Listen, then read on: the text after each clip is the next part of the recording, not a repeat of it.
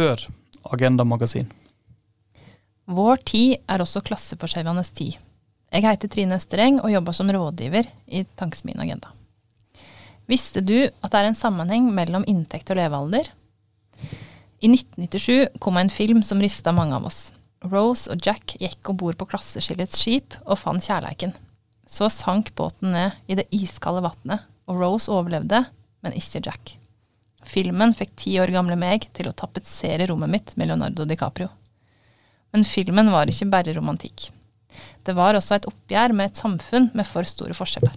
Rose valgte bort det konforme førsteklasseslivet for å kunne leve, fullt og helt som seg sjøl, lenger nede i hierarkiet. Det var likevel ikke tvil om at levekåra var langt tøffere på tredje klasse. Klasseskillets samfunn var ikke et godt samfunn. Titanic var på 1990-tallet ei historie om ei tid som var forbi, en samfunnsorden vi hadde lagt bak oss.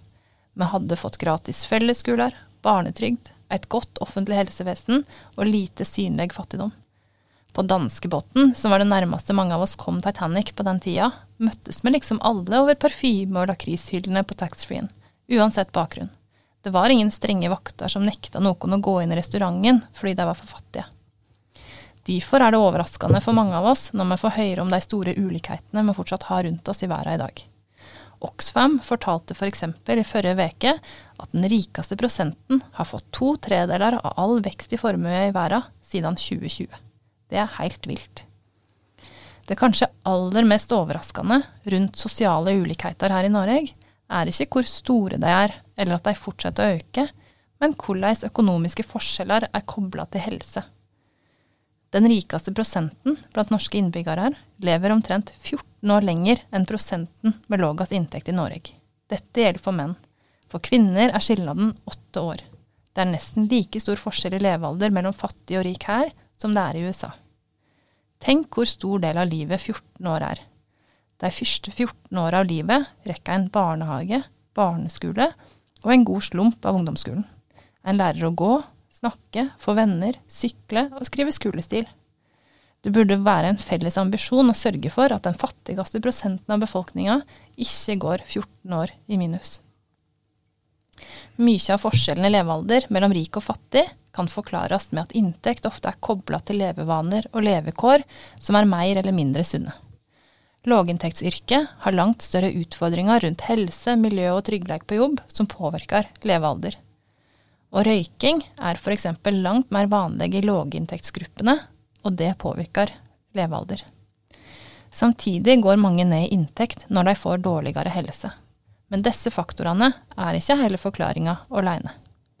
Folkehelseinstituttet peker på det de kaller en sosioøkonomisk gradient kobla til folkehelse. Det er et vanskelig ord, men vi kan egentlig kalle det ei ulikhetstrapp.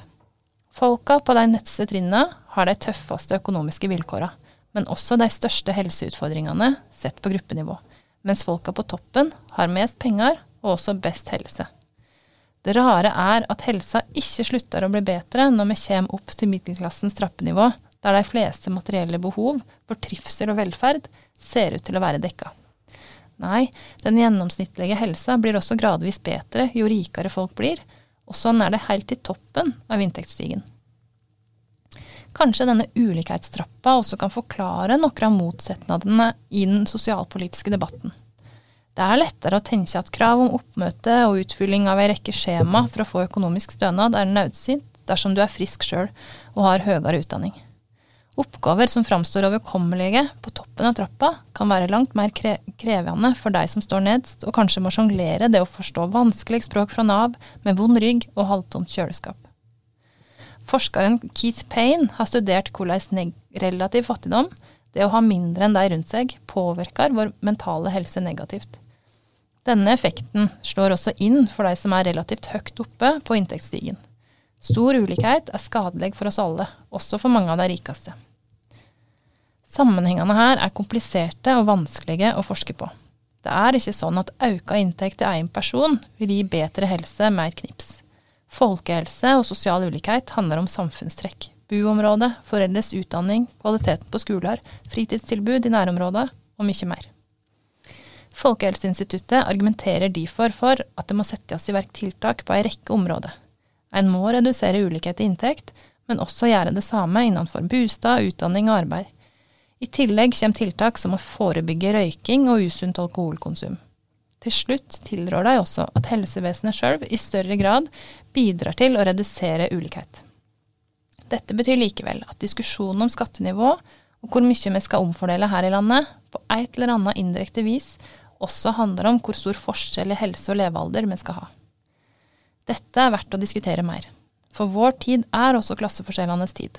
De er ikke så synlige som på Titanic, men det, kanskje det er fordi de rikeste nå drar på ferie på sine egne cruisebåter uten at resten av oss får være med.